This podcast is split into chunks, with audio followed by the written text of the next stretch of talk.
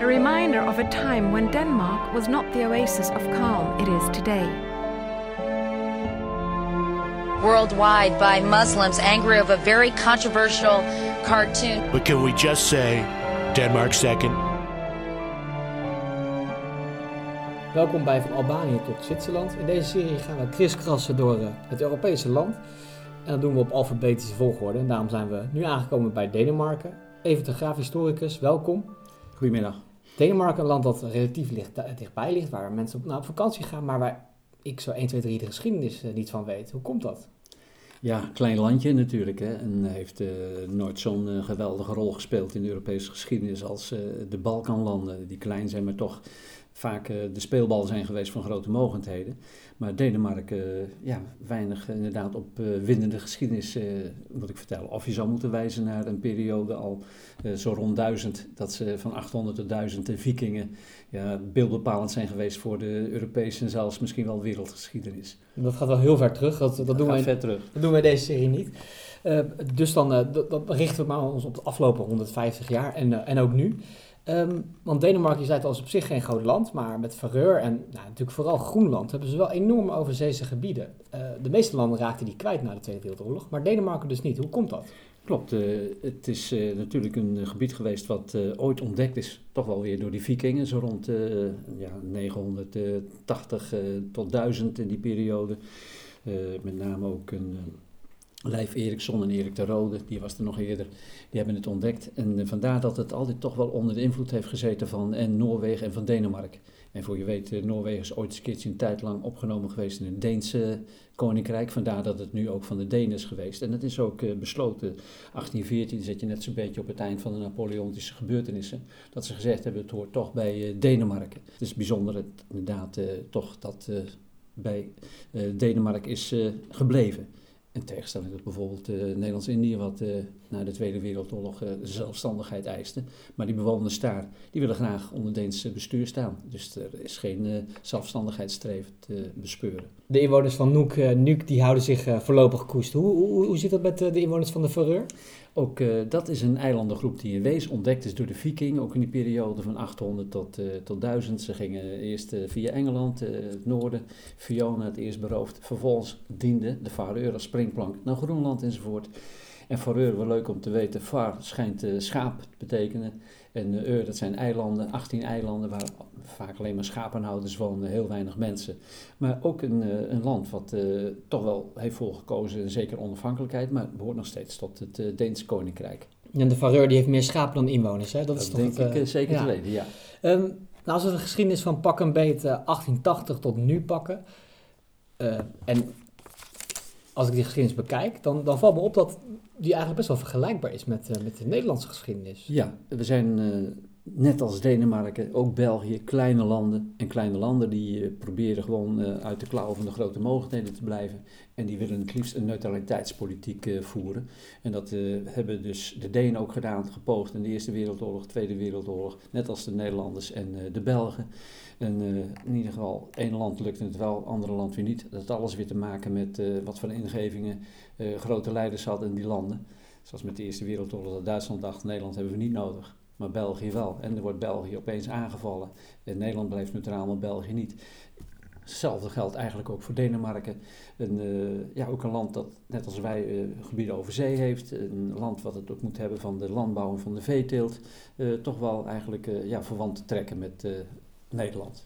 Dan, dan zien we um, dat België niet neutraal kon blijven, omdat het essentieel was in het, in het Duitse oorlogsplan.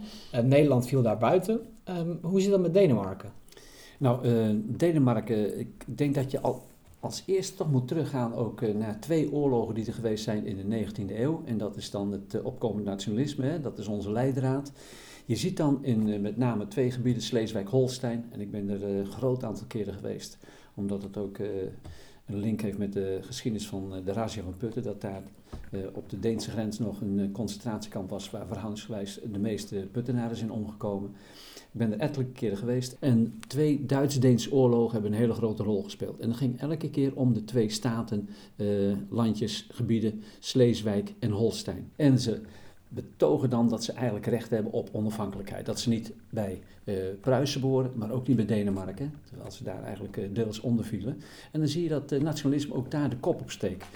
En als het dan te grote vormen aanneemt, dan zie je dat er zelfs oorlogen doorkomen. En dat is gebeurd al in 1864. En dat was dan de tweede. En de eerste was van 1848 tot 1851, de eerste Duits-Deense oorlog, waar op kleine schaal toch behoorlijk strijd tegen elkaar geleverd is. En uh, dan zie je gewoon dat uh, dat gebied een twistappel is en dat en Denemarken en Pruisen, later wordt het dan in 1871 het keizerrijk Duitsland, hun begeerig oog hebben laten vallen op die twee gebieden. En waarom is Sleeswijk zo'n interessant gebied voor beide? Dat heeft natuurlijk ook weer te maken dat veel van de havens van de Duitsers die liggen aan de Oostzee. En als ze dan dus weer naar de Noordzee willen en de Atlantische Oceaan op, dan moeten ze inderdaad langs dat Deense gebied varen. En dan willen ze natuurlijk daar de zeggenschap over hebben, want anders kun je daar bij de Sont in ieder geval heel makkelijk tegenhouden. Dat is het nauwste, nauwste puntje. Ja, een logisch, een strategisch oogpunt dus. Ja. Um, de Eerste Wereldoorlog bleef Denemarken dus wel neutraal. wat hadden de grote mogelijkheden, want daar, daar gaat het natuurlijk uiteindelijk om, als die zeggen, nou blijf jij maar neutraal, dan gebeurt het. Wat hadden ze eraan als Denemarken neutraal bleef? Uh, nou, Denemarken speelde toen uh, niet zo'n grote rol. Wel was het uh, belangrijk, en daar hebben ook de Denen, net als wij in de Eerste Wereldoorlog, ook wij bleven neutraal. Maar de Engelsen, daar heb je misschien wel eens van gehoord, die legden op de Noordzee een blokkade. En daar werd bijna iedereen door getroffen, want elke boot die op weg was naar Denemarken of naar Nederland werd onderschept door de Engelsen. En dan moesten inderdaad laten zien wat voor een product heb je aan boord, voor wie is het bestemd enzovoort. Was het voor Duitsland bestemd, dan werd het in beslag genomen en dan kwam het echt niet verder. Gevolg was natuurlijk dat en in Denemarken en ook in Nederland tekorten waren aan eh, voedsel en andere zaken. Het distributiestelsel werd ingevoerd. Het was echt heel erg moeilijk ook op den duur om toch goed rond te kunnen komen. Ook voor veel families in Denemarken en ook in Nederland. Ja, en de Duitsers hadden in de oorlog met Rusland en Frankrijk geografisch natuurlijk ook niet zoveel aan Denemarken, bedenk ik me. Nee, absoluut niet. Nee. Nee. En als in de Tweede Wereldoorlog dan blijft, wil Denemarken ook neutraal blijven. En dan sluit, uh, sluit uh, Hitler niet aanvalsverdrag met, met de Denemarken. Ja, het belang van zo'n verdrag met Stalin, dat, dat begrijp ik wel. Bedoel, je wil je natuurlijk kunnen concentreren op één grote oorlog. Maar waarom deed hij dat ook met Denemarken? Nou, dat heeft toen uh, alles te maken gehad met uh, het Duitse ijzerets. Uh, je weet, Duitsland was best een groot land, maar ze hadden een gebrek aan grondstof en met name ijzerets. En als met Zweden dat aan de orde moeten stellen. En dan komt het helemaal te sprake. Ze hebben een deal gemaakt met de Zweden die het uh, delven in Kiruna. En dan gaat het op de trein vanuit Kiruna gaat het naar uh. Per trein is dat dan. En dan per etsboot gaat het langs de kust van Noorwegen. En dan weer langs Denemarken, Kattegat, Zond gaat het naar de Duitse havens toe. Dus om die ijzeretsroute veilig te stellen, wilden ze gewoon zeker hebben dat het inderdaad hun gebied was dat ze daar niet dus uh, lastiggevallen konden worden. En toen hebben ze dus besloten om toch uh, in de Tweede Wereldoorlog ook Nederland, maar ook Denemarken de neutraliteit te schenden en het aan te vallen op 9 april 1940. En dat niet-handelsverdrag, dat was dus een, uh, een loos papiertje. Ja. Absoluut. En toch, dat, dat viel me ook wel weer op. Kijk, Nederland, dat werd, de regering werd omvergeworpen en er kwam een Duitse regering, of in ieder geval Duits gezind. En Denemarken mocht best wel zelfstandig blijven. Ja, uh, er is heel weinig gevochten toen uh, in het begin uh, van die onverhoedse aanval van de Duitsers. Er schijnen maar heel weinig schoten gelost te zijn. de Denen hebben meteen ingezien, het is zo'n grote overmacht, dat moderne Duitse leger, daar kunnen we niet tegenop. En koning Christian X in samenwerking met zijn parlement heeft toen gezegd, nee, we moeten gewoon inderdaad ons erbij neerleggen.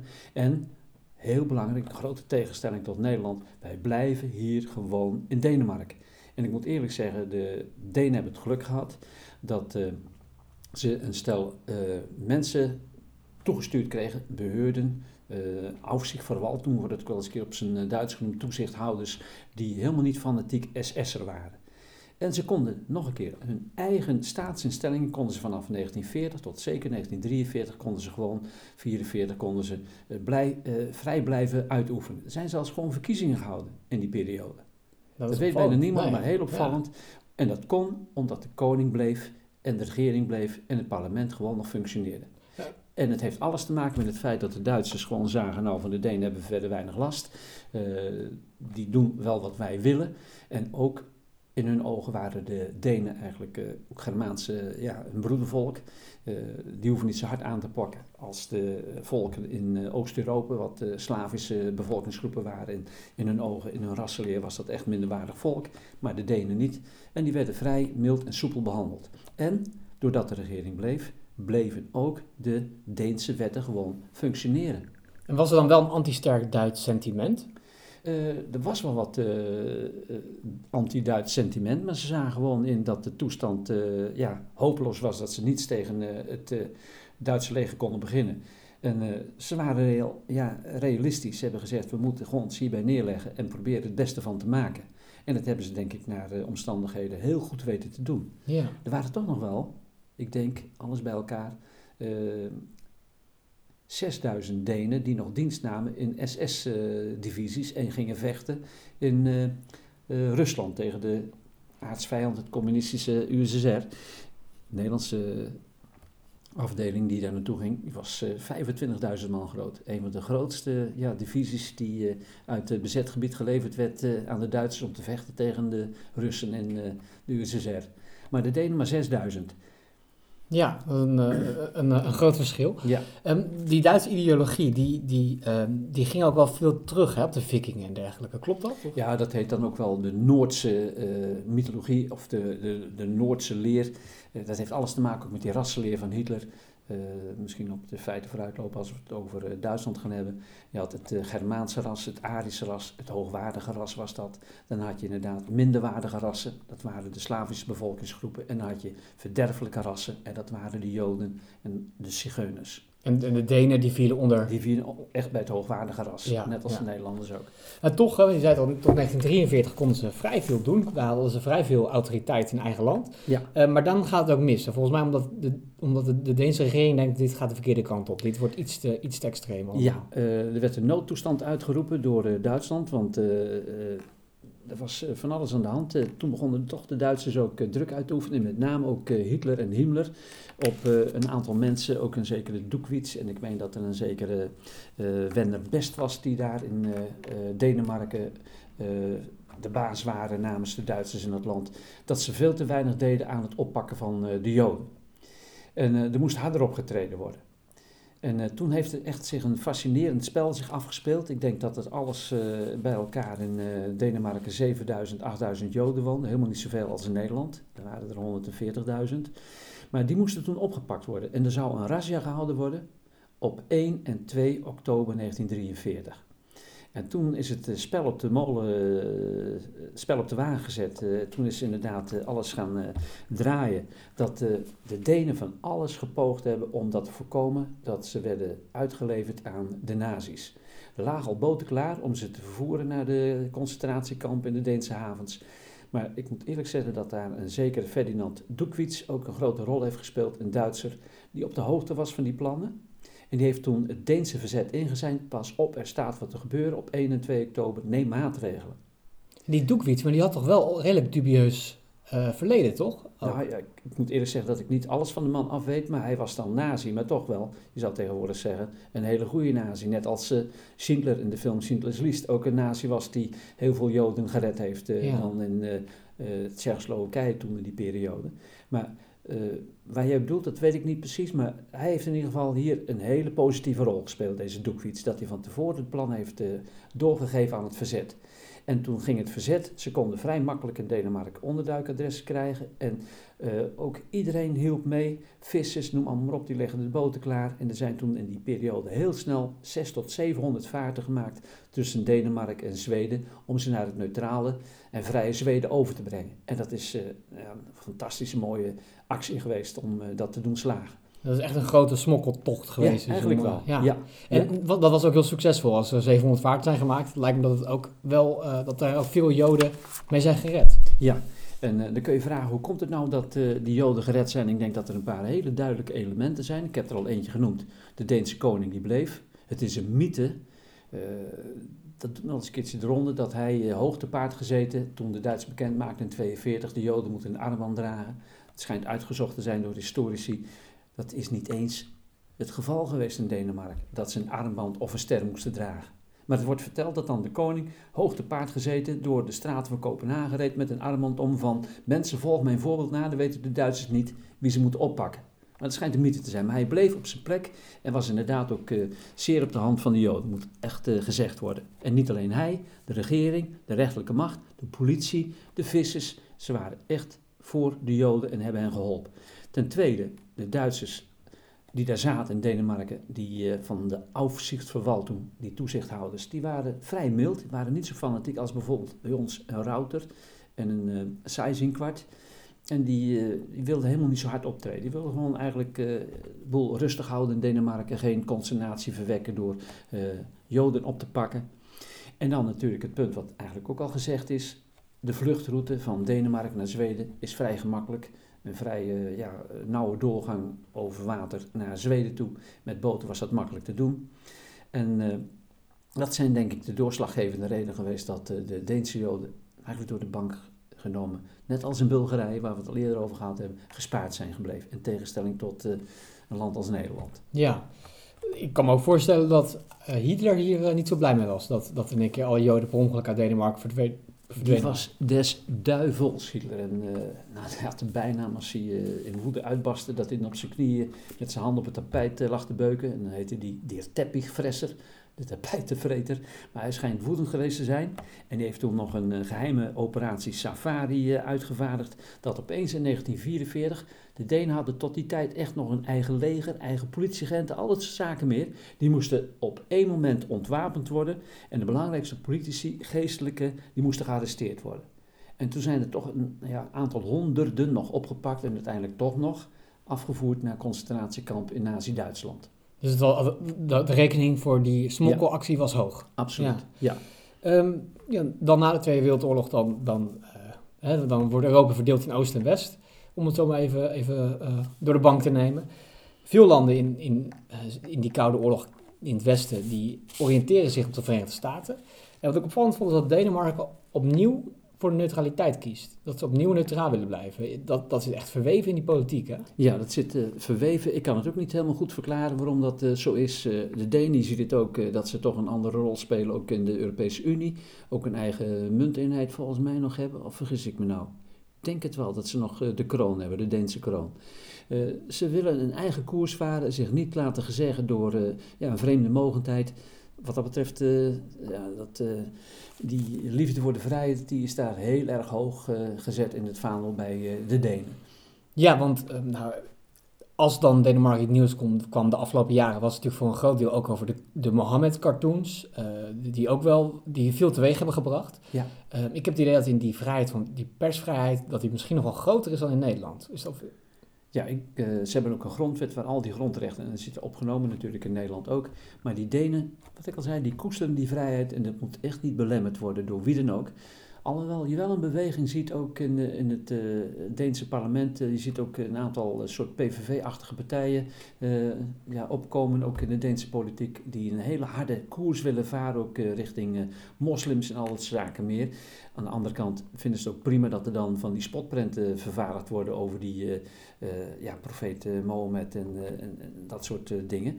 Maar aan de andere kant toch wel een soort verharding en er zit ook de, de Deense regering mee te tobben. Het schijnt dat er nu ook een behoorlijke rechtse regering eh, in de regering zit in, in, Denemarken.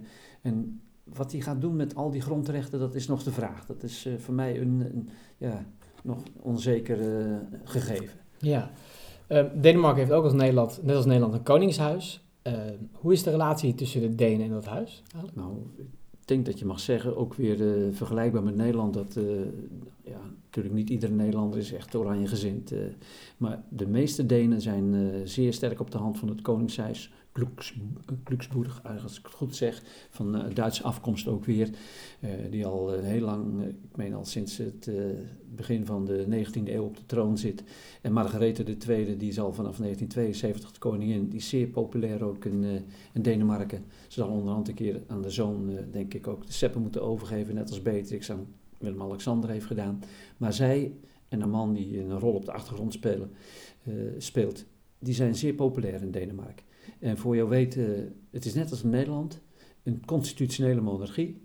En dat betekent, heel kort gezegd, dat is bij ons vastgelegd in 1848, bij de Denen ben ik het jaartal, uh, blijf ik je verschuldigd, dat weet ik niet.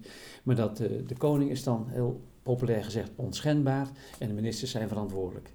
Dus ze heeft meer een ceremoniële, ceremoniële rol. Ja, geen, niet al te veel politieke invloed. Nee, precies. Ja. Um, nou, we hebben de afgelopen weken allemaal landen behandeld waarvan alles aan de hand was, waar uh, oorlog uh, wellicht ooit weer uitbreekt. Dan is eigenlijk Denemarken wel een, rustig land om te bespreken. Ja, heel erg rustig. Uh, het is ook een, ja, een liefelijk land. Ik ben er een aantal keren geweest. Hele fijne mensen. iedereen spreekt er bijna Engels, nog meer denk ik haast dan in Nederland. En het is een, een mooi land. Het zijn hele rustige mensen. Ik ben zelf een voetballiefhebber. De Deense voetbalsupporters die zijn immens populair. Waar ze komen, ze maken feest en geen rotzooi en geen narigheid. Is geloof ik toch zo'n slagzin. Right, uh, red, are white, are Dennis Dynamite. Nog een keer, ze weten van feesten, maar rellen, zoals vaak ook nogal in Nederland uh, gebeurt, dat hoor je eigenlijk in Denemarken bijzonder weinig. Uh, fijn dat het daar uh, uh, rustig is in Denemarken, maar we zijn op zich wel blij dat niet elk land in Europa zo rustig is als Denemarken. Nee, dan zou het een saaie geschiedenis worden. Ja, nou volgende week dan komen we aan bij Duitsland. Nou, dat is een totaal ander verhaal natuurlijk. Ja, dan kunnen we wel vier uitzendingen aan wijden. Nou, we gaan proberen om toch in binnen afzienbare tijd te doen, maar 20 minuten dat kunnen we niemand beloven. Nee. Bedankt voor deze uitzending en tot volgende week.